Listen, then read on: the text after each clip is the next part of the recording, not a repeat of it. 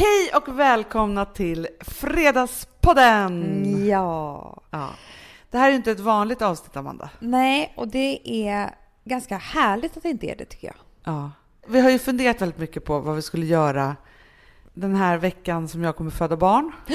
Man faktiskt inte ska tänka på någonting annat än att bara ligga och amma en bebis Ja. och sova. Så om ni har dragit igång det här avsnittet, Ja. Då är det så att antingen så ligger jag och krystar, Ja. as we speak. Och då tänker ni på Hanna och ger henne all er kraft. Ja. Tankekraft. Eller så har jag precis fått en ullig, gullig liten bebis. Åh. Ja. Eller så ligger du och ammar och eh, har mjölk överallt. Ja. Så här under tiden medan jag gör det Mm. och du sköter hela Perfect Day för att jag inte är med dig, Ja, så jag har jättemycket att göra.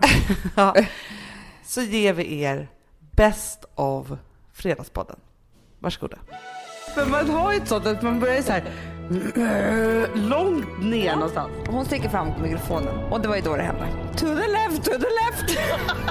Men du är ju expert på att spå i snoppar. Min pelargon en jättestor som jag har i sovrum, eller i badrummet. Ja. Det är... Du känner freudianska felsägningar. Du var 20 år, du kan inte franska. Eh, det måste man veta. Och vi kan väl säga så här bara. När du var 20 år, då levde du som att du var miljardär. jag, jag hade missförstått allting. Det här med att jag växte upp på Söder och i hippiefamilj och sådär, det hade jag glömt bort. Nej men du gjorde ju revolt. Ja, jag det. gjorde revolt. Din, alltså jag blev punkare och du blev miljardär. det, det är faktiskt ett bra råd. Alltså har ni tråkigt, låtsas att ni är miljardärer. Exakt. Lev som du har en miljon i bakfickan. Till Precis. chips. Chipspengar. Ja. Jo men det finns en otrolig restaurang som heter Romana i Saint-Tropez. Eh, och Saint-Tropez ligger i Frankrike och är miljardärernas sommarställe kan man säga. Ja, precis. Eh, det, det finns väldigt många sådana och det är en väldigt härlig plats. Eh, nu hade jag en massa kompisar som eh, var där på sommaren så jag hamnade där också. Du var ju miljardär. miljardär. Jag var miljardär, stalker. Eh, Det hängde Och- med de rätta människorna. Precis. Och hur som helst så var jag och en kompis på, eh, skulle gå till den här restaurangen som heter Romana som är känd för att vara liksom lite galen. När miljardärerna ska vara galna, förstår du vad jag Ja. menar då? När alltså man kan klä ut sig och man kan så här, det Vadå, kommer det är nakna tjejer. Ja, men det är lite Eller sådär. det är så här, allt vi bara beställer kommer. Är det inte lite så att det är lite så här, det finns ingenting som, inte, som är omöjligt? Precis så är det. Ja. Och det finns olika menyer, visste du det? Nej. Till ryssarna och till alla andra. Vad äter ryssarna då? Rysk kaviar Nej, nej, nej, det är, det, är inte, det är inte olika menyer på det sättet. Det är bara olika priser. Nej, jag trodde att det är så här, vissa var gjorda i guld och andra inte. ja, typ så är det inte. Men vadå, det är dyrare för ryssarna? Ja, det vet de inte de om. pengar. Men nu outar jag det här. Från Sverige, från och Amandas podcast. Nu, alltså så här, Romana kommer gå i konkurs efter det här. Och på eh, menyerna som tjejerna får. Inga priser. Bra. Alltså jag känner att Romana, de, är inte, de har inte kommit långt i genusdebatten. Nej, men just den grejen gillar jag. Det är liksom kvinnor, män och ryssar. Olika priser. Det är roligt det där så här, som att alla tjejer bara ska leva ett liv som att allt är gratis. Men så är det ju lite i, i sådana kretsar. Ja, och speciellt i Saint-Tropez, Hanna. Där, Ja. där är... De bara går med sina kort så här och bara tar aldrig några kvitton. Nej, alltså de, de lever ett pengafritt liv. Pengafritt. Eller bara kostnadsfritt liv. Kostnadsfritt liv. Ja, men vadå, du ska då gå till Romana? Jag ska gå till Romana med min kompis som då fyllde år. Mhm. Och eh, just därför så hade vi bestämt så här. Nu ska vi gå all in på den här restaurangen. Eh, och vi var inte som alla andra tjejer där utan vi betalade ju för oss själva. Ja, Ja. Så långt hade vi kommit igenom. ni var liksom svenska. Verkligen. Mm. Vi kommer in där på den här galna restaurangen. Man sitter liksom i, i plyschfåtöljer i leopard under öppen stjärnhimmel. Och det är bara en massa excentriker som äter middag där. Eh, bredvid den. Och det som händer då är att hovmästaren och ägaren kommer fram till oss. Eh, och börjar prata, de kan bara prata franska och det kan ju inte riktigt vi. Men det de säger till oss är i alla fall att vi tänkte äta middag med er ikväll. Med er? Ja. Och vi bara, nej, alltså det vill inte vi. Nej, såklart. Ni ska ju fira hennes Ja, men vi födelsedag. visste inte riktigt hur det gick till och alltså, aha, de kanske ska komma och sätta sig med oss och så vad, säger man nej till ägare. Alltså, vi- hur som helst så, så sätter vi oss ner där fast vi får, får, de kommer inte med oss till bordet utan jag tänker så här, de kommer väl sen. Vi beställer in och Alltså jag tror vi liksom hade den ryska menyn. vi, det var finaste vinet, det var champagne, det var Alltså ni hade bestämt att ni skulle äta den lyxigaste middagen någonsin. Verkligen. Sen så har ju vi druckit all, all den här drycken, den magiska drycken som gör Mm. att man blir berusad. Vilket gjorde att vi fick feeling. Vi såg ju vad som hände vid de andra borden. Beställer man någonting som är fruktansvärt dyrt, alltså vi snackar såna här eh, liksom 50 liters champagne och sådär, kristallchampagne. Då släcks hela restaurangen ner. Star Wars-musik kommer på. Och så går de, ett helt gäng ja, i personalen, med den här då kanske champagnen och tomtebloss så att alla... Och Star Wars-kläder, eller hur? Ja, och Star Wars-kläder. Så att alla ska se vem det är som har beställt in den här sjuka grejen. Det är så här, hej jag är rikast här, Ja. titta på mig. Då där, det är där tjejerna kommer. Och vi bara kommer på den här idén att det här ska vi också göra. Alltså de ska inte sitta där gubbarna och tro att de är något. Vi 20-åriga tjejer, vi kan också. så att vi, eh, servit- servitören kommer och så säger vi så här, vi vill inte ha champagne, vi vill ha rysk kaviar, en jätteburk Nej. med Star Wars-musik. Vadå, Och- ni beställer så här, rysk burk tack, kaviar, Star Wars-musiken och champagne. och champagne. Men vadå, hade de, körde de bara Star Wars-musiken typ och champagne annars? Men ni vill ha det till den ryska Vi kaviaren? kom på en egen idé. vi, var, var vi var Romana. så sugna. Develop your eh, menu. Ja, ni var så sugna på rysk kaviar. Ni kunde inte hålla er. Cravings. Det som hände då var i alla fall att vi får in varsin jävla drink. Eh, lite större. Nej, vadå lite så här varsin- större paraply och Ja. lite så här... Med varsitt tomtebloss i. Jaha. Och vi bara säger, men nej, nej, nej, nej, ni har missförstått allting. Vi vill ha hela den här restaurangen nersläckt och Star Wars-musiken. Och servitören går iväg, kommer tillbaka med en flaska champagne och glas med tomtebloss. Och då blir vi förbannade. Då vill ni här, nu säger vi till på riktigt. Men vi vill ge oss in i genusdebatten, förstår du? Ja, vi, ja. ska, alltså, vi har också pengar. Vi vill ha Star Wars. Vi, Vi är miljonärer. Vi är miljardärer. Till slut så släcker de ner den här restaurangen och kommer med eh, Alla i personalen har klätt ut sig. alla, de har gjort det. De ser trötta ut. De Ja. orkar liksom. De kommer där trötta i Star Wars-kläder och den här ryska burken. Som vi, då, vid det Ett kilo laget rysk så var vi kaviar. så berusade så vi glömde faktiskt bort att äta den liksom efter. Och sen så då så är det dags för oss att avsluta vår livsmiddag. Vi ska be om notan. Ja, Det var inte så kul. Nej. Nej. Då tänkte jag, nu tar vi den. Och då kommer ägaren och hovmästaren fram, som vi då har glömt bort att de skulle äta middag med oss. Och säger att nej, nej, nej, nej, det är ingen nota här. Vi sa ju det när ni kom in att vi skulle bjuda er på den här middagen. men gud. Vi hade inte förstått vad de sa på franska. De sa så här, välkomna hit, vi vill bjuda er på middag. Två tjejer kommer dit, vi vill bjuda er på middag. Där satt vi och tja- tjatade om att vi skulle få den största burken rysk kaviar med Star Wars-musik med utklädd klädnad. De Och- tänkte så här, vi, nu, vi har aldrig varit med om några som har utnyttjat oss så mycket.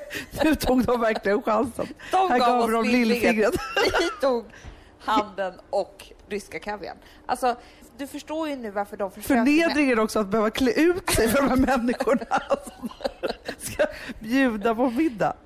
Ja, det är ju fruktansvärt. Alltså, vi sa bara så här, gå och klä om och släck ner restaurangen. De gick hem och grät sen. Vi gick aldrig mer tillbaka.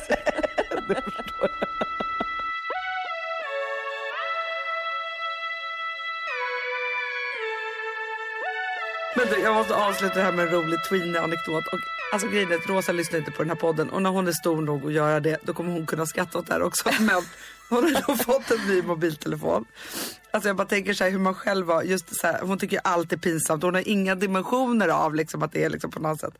Och så, så är det någon kille då som hon såklart är, så här, tycker är lite härlig. Och så, så var hon så här, vi skulle på barnkalas, så här, treårskalas. Hon bara, ah, så här. Hon bara, hur länge behöver jag följa med? Jag bara, men du behöver följa med i ja, men tre timmar. Sen, hon bara, kan jag gå till Vasaparken sen? Jag bara, ja men sen kan du gå till Vasaparken. Mm. Och sen så bara hör jag, hon bara, nej!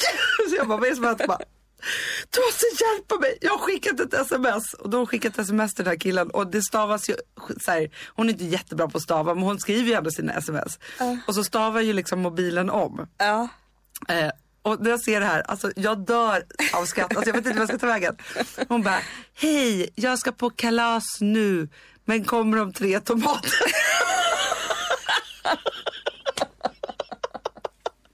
Och hon har hunnit skicka iväg där? Ja! Och att de kommer om tre tomater. Och hon är inte där att hon kan skämta om det här. Nej men det är klart. Ja, så då får vi skriva om sig. Det stav, får vi, hon bara, skriv att det stavas. Alltså, så jag var tvungen att säga hej, eh, oj det stavades fel, det var inte mitt fel, jag menar tre timmar. Alltså, men fortfarande säger så här, hon kommer om tre tomater till killen, man tycker att man har lite skulle, på gång. Jag skulle tycka det var pinsamt än idag. För det låter som att man så här, jag säger alltid tomater om timmar. Alltså förstår du, det är min grej. Men jag kan inte låta bli heller att säga så här. De bara, hur länge får jag vara ute? Jag bara, en tomat.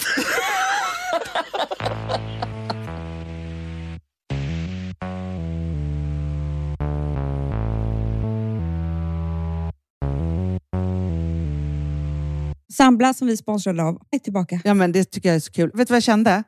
Äntligen! För att det här behöver man göra om och om igen och särskilt nu.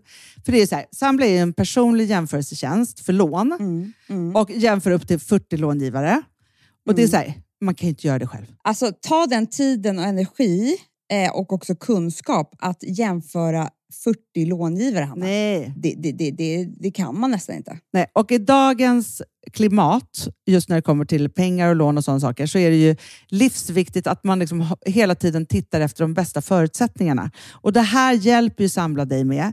Och De erbjuder också personlig hjälp med låneansökan. Oavsett om du behöver hjälp så en kort stund eller om du vill ha guidning genom hela låneprocessen så kan du vända dig till Samla och det tycker jag är så bra. Ja, alltså Sambla som vi sponsrade av har ju branschens nöjdaste kunder med fem stjärnor och 24 000 omdömen på Trustpilot. Eh, det säger ganska mycket tycker jag. Väldigt mycket. Så in och ansök på samla.se. Du Amanda, vi är sponsrade av Polarbröd. Ja, och deras underbara snackmacka. Ja. Alltså det är så mysigt. Polarbröd stödjer ju Friends i deras arbete att motverka mobbing och psykisk ohälsa. Därför har de skapat det här konceptet snackmacka. man kan ju känna på barnen att det, så här, det kanske har hänt någonting i skolan och så vidare. Men hur man ska börja liksom få dem att öppna sig och berätta saker så att de inte går med saker som har hänt länge, så är det ju viktigt att göra det här. Och då är det så att den här snackmackan, den s- liksom är till för att öppna upp samtal med barnen, hur de har i skolan och på fritiden och så vidare. Så, så man kan närma sig lite olika frågor. Ja, men jag tycker det är så bra eftersom att du vet ju hur läskigt det är. Bara, nu ska du och jag sitta och ha ett samtal. Det Nej, vill men ju det- ingen. Nej. Men däremot äta en god smörgås och liksom Mm. göra någonting samtidigt. Det är mycket, mycket bättre. Polarbröd har tagit fram tre roliga musikinbjudningar som man skickar då till sina barn, så att de kan, liksom, där man bjuder in då till en snackmacka. Så. Och ska man göra den personlig och välja musikstil som barnet gillar. Och Sen så är det också så att i låtarna så kan också liksom flertalet personnamn läggas in. Så att det Ja, blir det liksom så ännu mysigt. mer. Ja, det är så mysigt. Ja. Så att hörni, det här tycker jag är verkligen en bra idé. Eh, så att ta vara på det här nu och gå in på polarbrod blir det då, Mm. .se och läs mer om den viktiga snackmackan och så kan ni skicka en musikinbjudan. Så mysigt.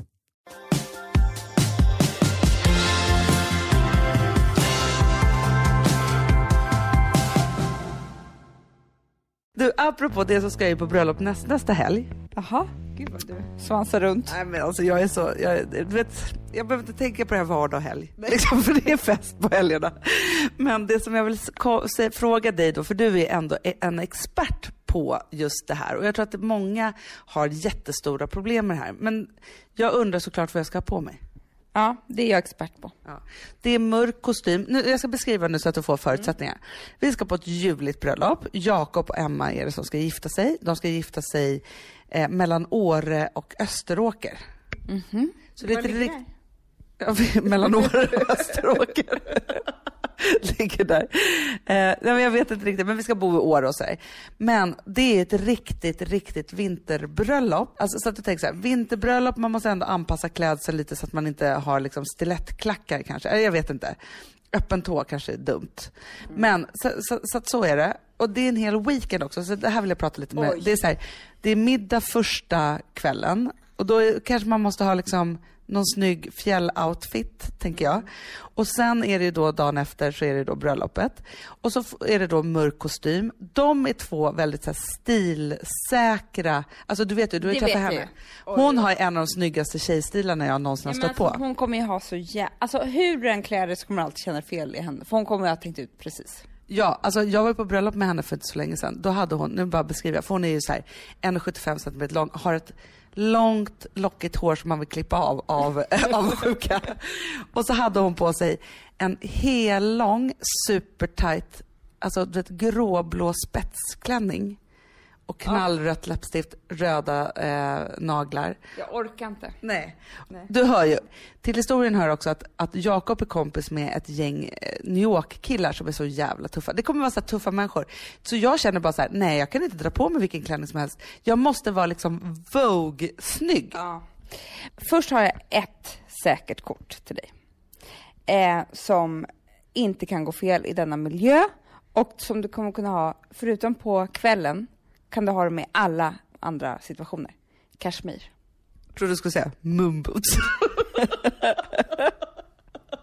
Rävluva. Hemskt. Eh, nej, men Kashmir.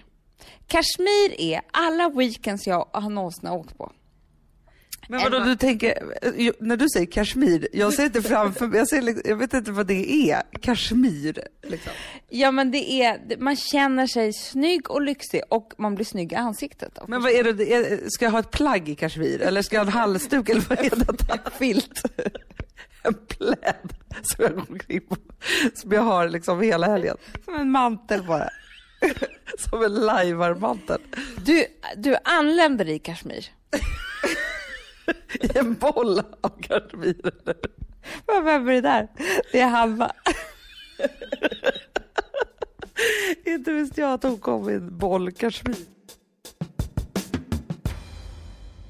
Jag var öppen 3 centimeter.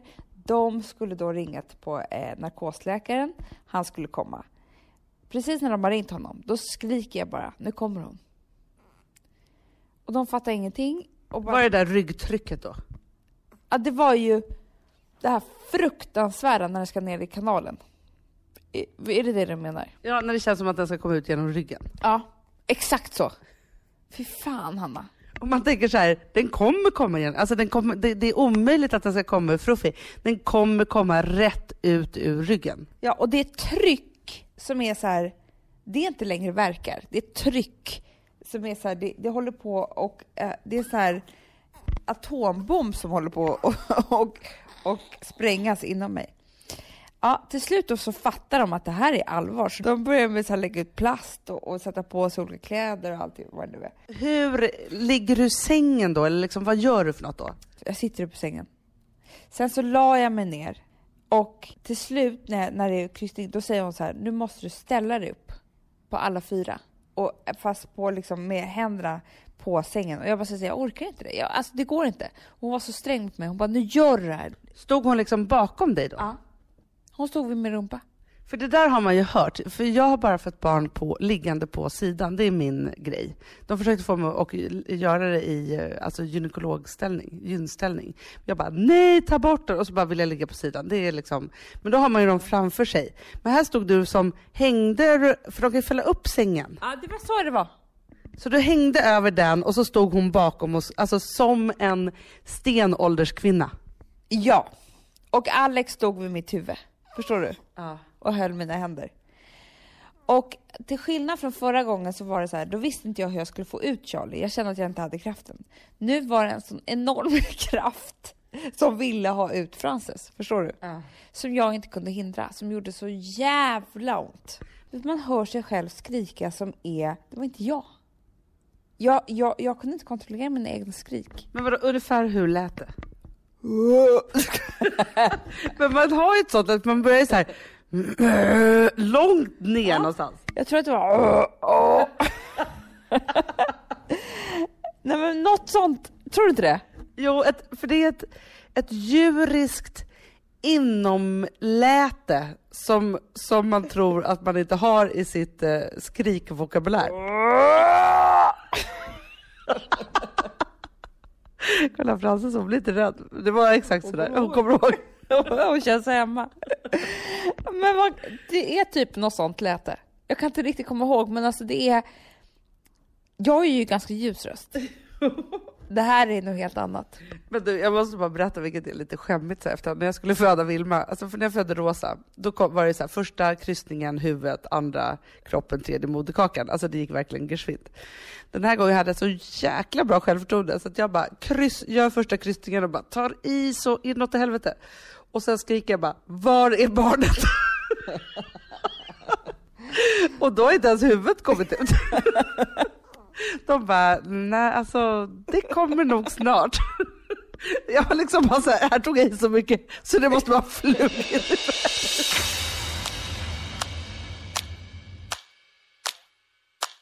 Från tre- jag var öppen tre centimeter till att hon var ute gjorde jag på 30 minuter. Och det här är faktiskt skämmigt, för att, som jag ska säga nu, det, det säger man till kanske alla, men nu säger jag det i podden. Men jag har ju journalen. Och det är väldigt rolig läsning. Eh, och då är det så här, ja, ringer epidural, ba, ba, förbereder för det, det, det. Nästa kommentar är så här. Narkosläkaren anländer till rummet, ser huvud i vulva. Vänder och går ut. Står det så? För bara fråga en sak. Så när, varför säger man vulva helt plötsligt? Men det är väl det latinska ord, det är inte så här, ser huvud i fitta. Det kan man inte säga, eller eh, läkare ser huvud i muttis, vänder och går ut. Så hade du att det stod.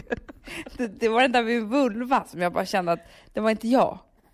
Det var någon annans vulva. Ja, det var, det var det där skrikande älgen, djuret. som skulle du vilja ta så så här, eh, ser huvud i vagina. Ja, men bättre. Men fast då är det som att du i, i Fruffi. Men vulva är så stort, Hanna. Det är som en, Du ser det som något svullet. det är en jätteöppning. Alltså det är en stor, levande eh, köttöppning. Jo, men om du ser nu Frances huvud, då kan du se hur stor, stort det var öppet. Ja, det är inte kul.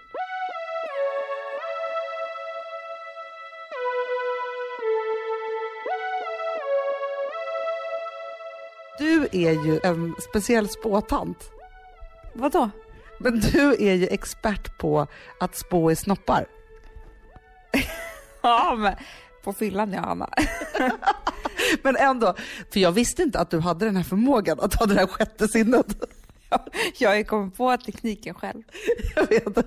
Och då sitter jag på krogen en sen natt för ett par år sedan och så kommer fram en tjej till mig som bara så här, du, alltså det var så jävla kul. Men för ett par dagar sedan så satt, träffade jag din syrra på krogen och hon är så sjukt bra på att spå i snoppar. Och jag bara, va? V- vem menar du? Ja men Amanda. Och jag bara, vadå Amanda och spå i snoppar och sena nätter? Alltså jag var ju i chock.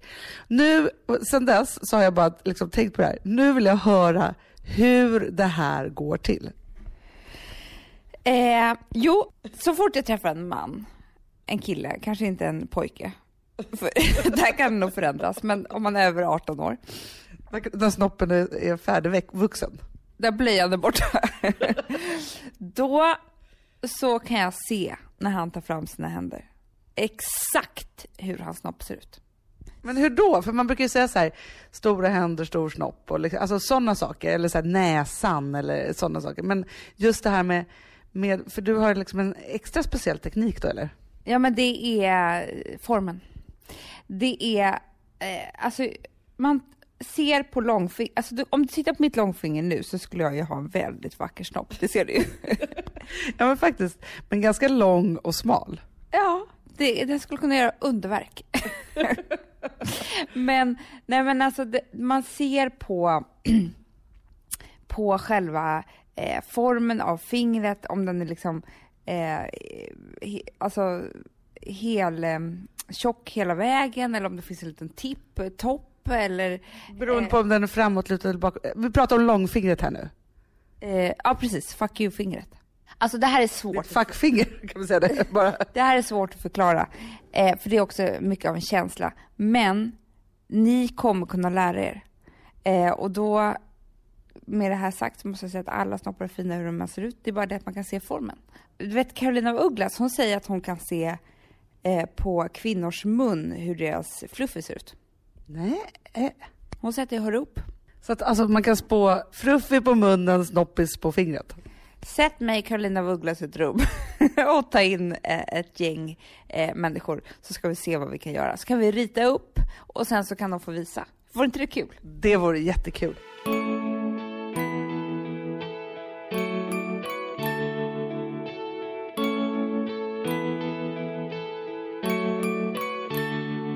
Låt mig presentera pelargontricket.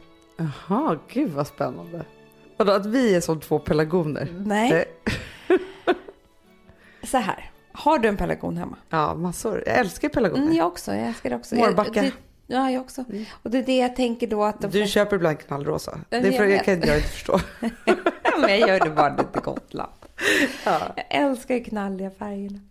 Nej, men jag tänker att det är många som har en pelargon hemma. Mm. Den består ju ofta av liksom kanske så här tre, fyra liksom lite tjockare eh, jättekukar. Sticker upp ur jorden. Exakt. Nej men vad heter det? Såna De består ju av blad och jord och blommor. Nej men alltså Men stjälkar! Stjälkar. Ja. stjälkar. Och sen så är det liksom massa Typ att Alex blommor. bara, älskling ta fram stjälkar. Vill säga så mycket saker nu men jag ska inte säga det. Det är, det är kanske inte så många som tycker sånt här är kul. Nej, förstått. Ja. Ja, hur som helst. Och sen så sticker det ut massor små blommor. ja. Köttblommor. Köttrosa. Köttros heter det. Nej men du vet så här. Ja. Och den där håller man ju på med mycket. Alltså, du vet. vissnar. Du håller på att förstöra hela Ja, förlåt, förlåt, förlåt. Nej Ja. men de vissnar ju hit och dit. Man tar bort Ja, man tar bort dem och man måste, för grejen är så här, man, måste, måste plocka bort underhålla. dem och sen så måste man liksom, alltså de är väldigt tåliga, därför älskar man dem ju, för de orkar Men de liksom är med också mycket. krävande. Men man måste så här, ska de bli riktigt fina så måste man klippa ner dem, ta bort blommorna och hålla på liksom. Ja. Och då ser jag, det är det jag tänkt på efter sommaren. Att min pelargon, en jättestor som jag har i sovrum, eller i badrummet. Ja. Det är... Du kör freudianska felsägningar. Nej jag menar. En jättestor. Nej, men i alla fall med jättemånga blommor. Ja. Den har jag behövt hålla på med mycket sen jag...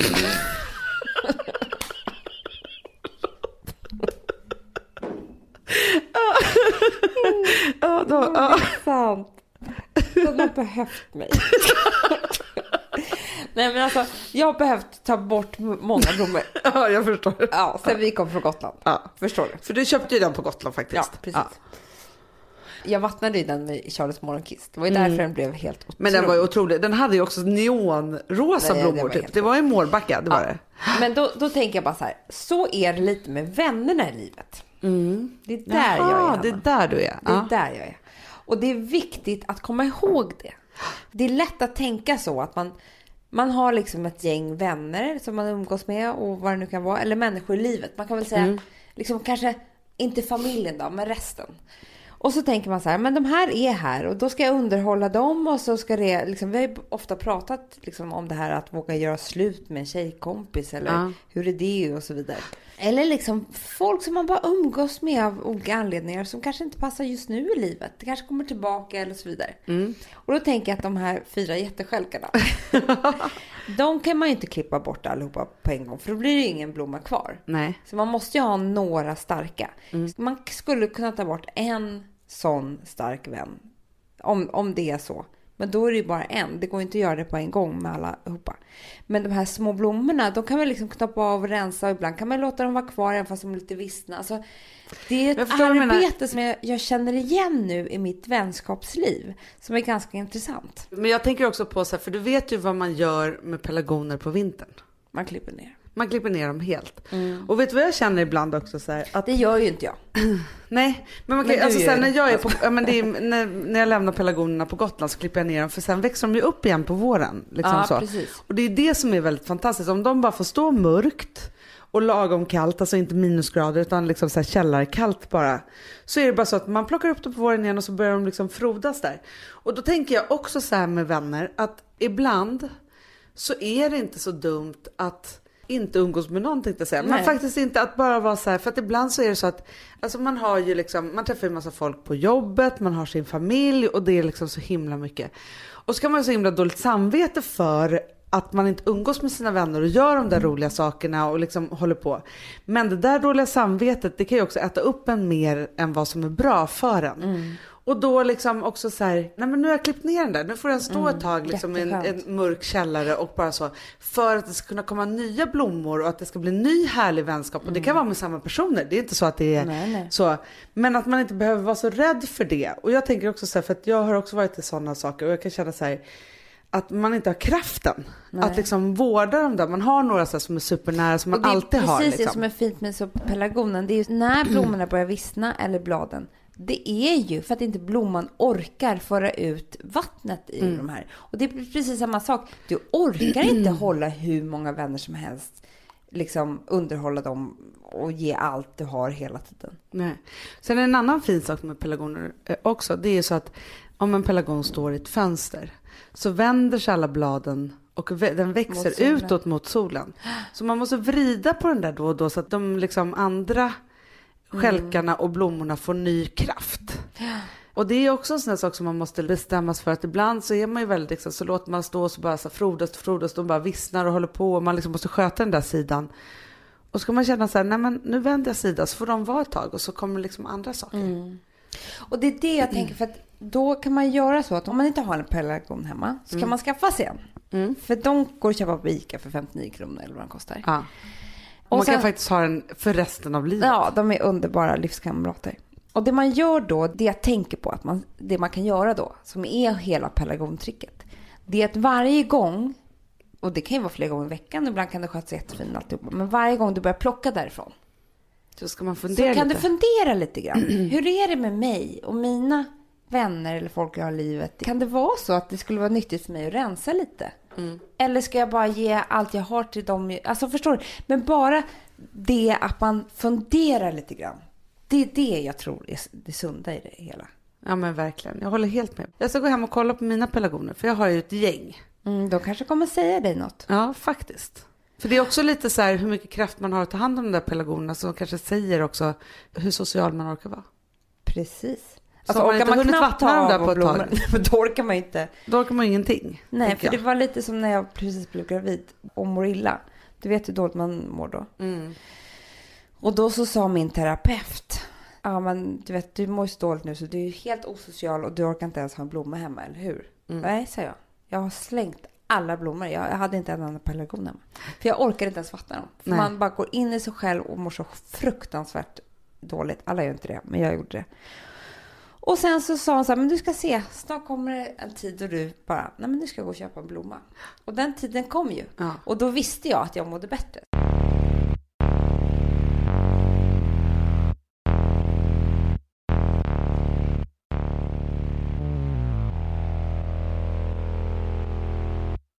Alltså vi som har sådär borst, har du testat i maskinen nu? Snart är det jag som kommer lägga upp en limpa på Instagram. Är det så? Ja.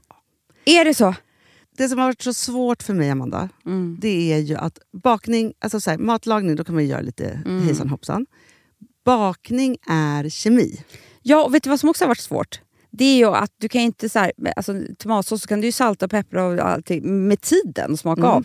Det är svårare med en deg alltså. Vi är ju sponsrade av Bosch nya köksmaskin serie 6. Och den är extra smart. Och det är tur för mig kan jag säga. För att det är så här att först så liksom, man väger sina ingredienser direkt Ja, i och det bunken. här läste jag om. För det var något recept jag skulle göra. Det var så här, ta inte med decilitermått eller så. För att det blir inte samma. För då trycker man... Det är inte, det är inte samma vikt. Nej, Alltså, det kan bli liksom det kan bli jättefel. fel hit och Ja. dit. Alltså, så. Ja. Men då gör man ju det så här, Det är ett geni av- ovanpå maskinen. Ah. Så mysigt, man känns så duktig. Sen finns det ju en integrerad timer. Ah. Och då är det också så här, alltså för, förstår du, för det här är så här, alltså de som bakar mycket är väl så här, ja man har en hushållsvåg. Jag har aldrig haft det än. Nej, men också Hanna, det här som, jag har alltid tyckt att det är så svårt typ, att vispa äggvita. Jättesvårt. Det är för svårt. Men det behöver inte jag kunna, för det kan min serie 6 köksmaskin från Bosch. Ja, nej men alltså den är underbar. Hörrni, det är också så här, att, för det här är ju eh, ja, en jättebra investering. Men just också eftersom det är en investering och man vill verkligen att det ska funka så är det så bra för man kan prova 100 dagar hemma med fri returrätt. Mm. Så. Alltså för att Bosch de är så säkra på att du blir nöjd. Så de Ja. kan erbjuda det. Och jag tycker verkligen, eh, alltså nu när ni ska möta våren, in och läs mer på Bosch köksmaskin serie 6 och köp den hos Power. Det kommer bli en, en underbar sommar. Voff, voff. Det vet du vad det betyder på hundspråk? Det betyder att jag är hungrig. Jag vet, men vet du? Nej, jag är sugen på Prima Dog. Ja. det. Vi är sponsrade av Prima Dog. Ja. Det är vi, men du är ju bara hungrig på Prima Dogs mat. Alltså jag tror att det är så gott att vi skulle kunna äta det, Hanna. Verkligen. Ja, men alltså, så här, de har ju nu också, sen vi hade, eh, började vårt samarbete, så har de nu uppdaterat sitt utseende Mm. och gjort väldigt nya snygga förpackningar med inspiration från den nordiska naturen. Ja, för det är ju Taste det. of Nordic happiness. exakt vad jag skulle säga. Och de vill ju, de bryr sig verkligen om hundar, Hanna. Alltså de gör det. Det gör de. de vill att de ska få leva ett långt, aktivt och glädjefyllt liv. Och Därför har de skapat de här produkterna som är väldigt snälla för magen. Och Det, alltså, det måste man tänka på med små woofsystrarna. De vill vara bekymmersfria. De vill inte ha ont någonstans. Nej, men det blir också så att hundägarna blir också bekymmersfria. För annars kan man ju vara så här, "Ha, behöver du gå ut nu eller inte? Har du ont i magen? Alltså hundar kan ju Också inte på prata. mina mattor blir bekymmersfria. Ja, det är så bra. Om man nu ska Nej, här, prata för, om sånt. För, för hundmaten från Prima Dog, de innehåller ju alltid mycket kött och är alltid fritt från vete. Mm. Och Det finns ju också spannmålsfria alternativ om hunden har extra känslig mage. Ja, alltså hörni, ni måste, eller ni testar, er hund måste få testa det här. Och ni hittar ju Prima Dogs produkter i er lokala matbutik eller hos återförsäljare online. Ni kan gå in och läsa mer på primadog.se. Taste of Nordic happiness. Voff!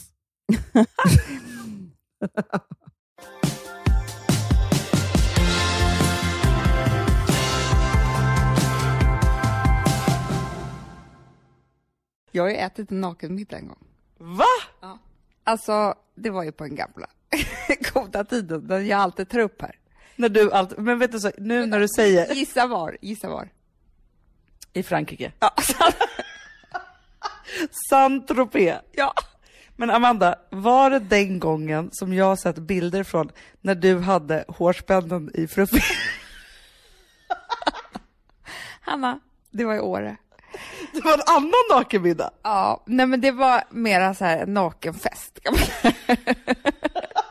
Men det som var otroligt då var att, det här var faktiskt väldigt kul, det var att vi, jag och min kompis och hennes kille faktiskt lite konstigt nog, men det var ju fler, vi var nakna, hade pjäxor och satte glitterhårspännen på Fluffy och tog julkort.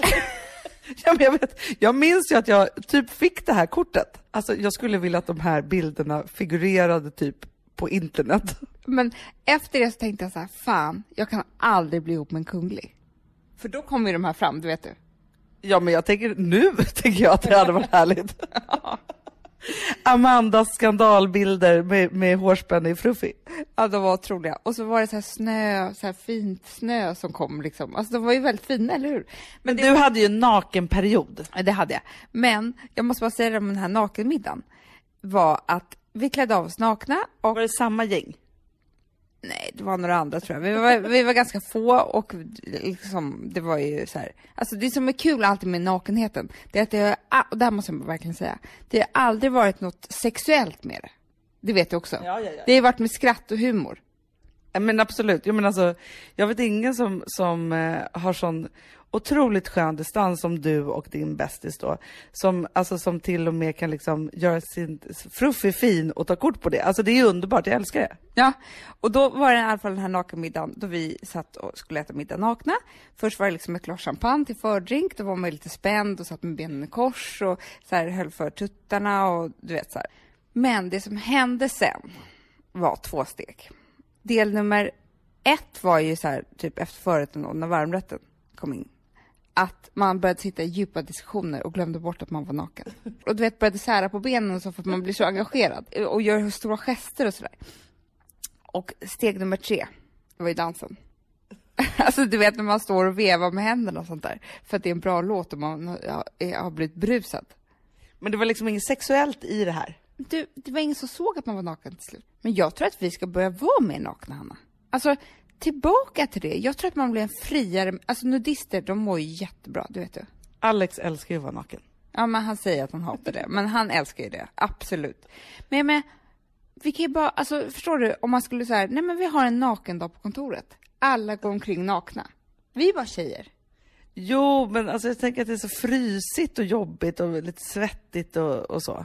Svettigt och frysigt hör inte ihop. Jo men alltså först så fryser man och sen så, så här, sitter man där och så är det no Nej men vet du en sak Amanda, jag, jag älskar att vara, nu låter det jättekonstigt, men så här, vara naken eller, liksom, och, och, eller lättklädd då hemma. Så. Och nära mina barn och gossar och min kille och liksom så här. För jag har ju hört människor som aldrig typ är ens nakna när de sover. Nej, nej men det är det jag menar. Men kan inte ni ha nakendag hemma då? Jo men och det är det jag säger, jag är helt öppen för nakenheten hemma. Men jag orkar inte hålla på och sitta naken med dig och tjejerna på kontoret. Jo, det vore kul. alltså jag tror det. Hej, här är Perfect Day. Idag är vi nakna.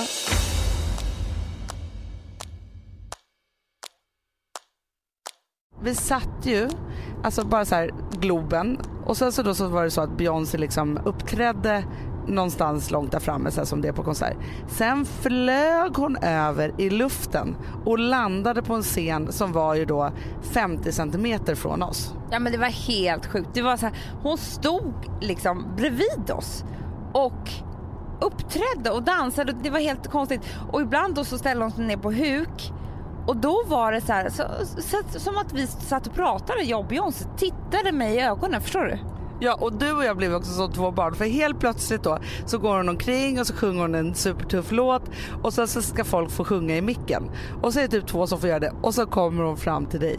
Ja och det var ju då jag ju egentligen gjorde bort mig för att jag har då min chans. Alltså jag kommer upp på storbilds-tv i Globen, jag sjunger med Beyoncé och alltihopa. Nummer ett så har jag ju, alltså precis innan så kände jag ju så här, nej, jag kommer få tinnitus. Alltså du vet jag var ju så tinnitusrädd. Ja men alltså okej, okay, vi backar tillbaka lite.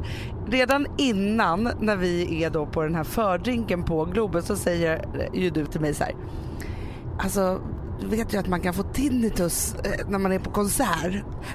Det är ju där man egentligen ska ta upp för det här är pinsamt. Det är två tanter som pratar. Men också den här, jag heter Amanda Schulman, jag ska gå på konsert, jag ska gå på Beyoncé. Men det enda jag kan tänka på är så här, vad kommer den här upplevelsen ge mig för sjukdomar? Precis så. Ja, och då Ja i alla fall, så jag bara kände så här, nu är jag nära där. Alltså jag hörde ljud som inte var bra för mina öron. Fast det roliga var ju så här, du satt ju liksom också akut höll för öronen. Så att vakten som satt och vaktade scenen, för det satt ju så här vakter för vi var så otroligt nära. Han bara böjer sig fram till dig och, och ger dig öronproppar. Alltså förstår du hur akut det måste ha sett ut då? Ja, och det var i och för sig bättre det, för när jag satt och höll för öronen då såg det ut som Alltså jag tror inte Mastercard var glada då. Så men då fick jag i alla fall öronproppar. Men jag är ju, du vet att jag är extremt små öron Hanna. Jo, jo, fast det borde ju göra att, det, för att hade det varit mer trattliknande då hade det kommit in mer ljud. Nu är det så knappt så att ljudet kommer in.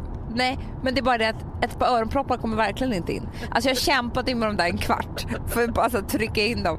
Men de såg fortfarande ut som två liksom, orangea grejer. Och det här tyckte jag var lite pinsamt när då Beyoncé kom fram till mig. Och jag skulle sjunga. Men det, det var ju tur för jag har ju hört den här låten jättemycket. Men hon sträcker fram eh, på, eh, mikrofonen och det var ju då det hände. To the left, to the left! Alltså grejen är att vår mest musikaliska kompis Joa, som också älskar Beyoncé, hon sa, för jag träffade henne i helgen, hon bara Alltså det var ju jäkla tur att hon förstod liksom att här har vi inget core-fan så att hon sjöng liksom vad du skulle sjunga innan. För annars hade ju du bara fått micken och bara hello, hello. To the left, to the left! Ah, det är så fruktansvärt roligt. Och jag, jag fann mig med att stå bakom, kände mig jäkligt avundsjuk och bara försökte ändå så här till micken lite så här to the left, to the left. Och sen, sen gick ju hon vidare såklart, för det var inte så att hon stod kvar där till nästa. Då gjorde du och jag som två barn, vände oss mot varandra och bara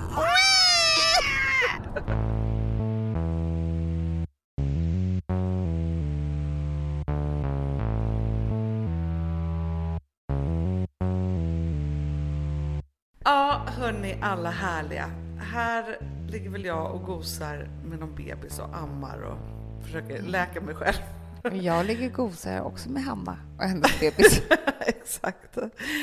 Eh, men det var den sista Best of-podden vi gör Ja, och på tag. så här, jag tänker så här.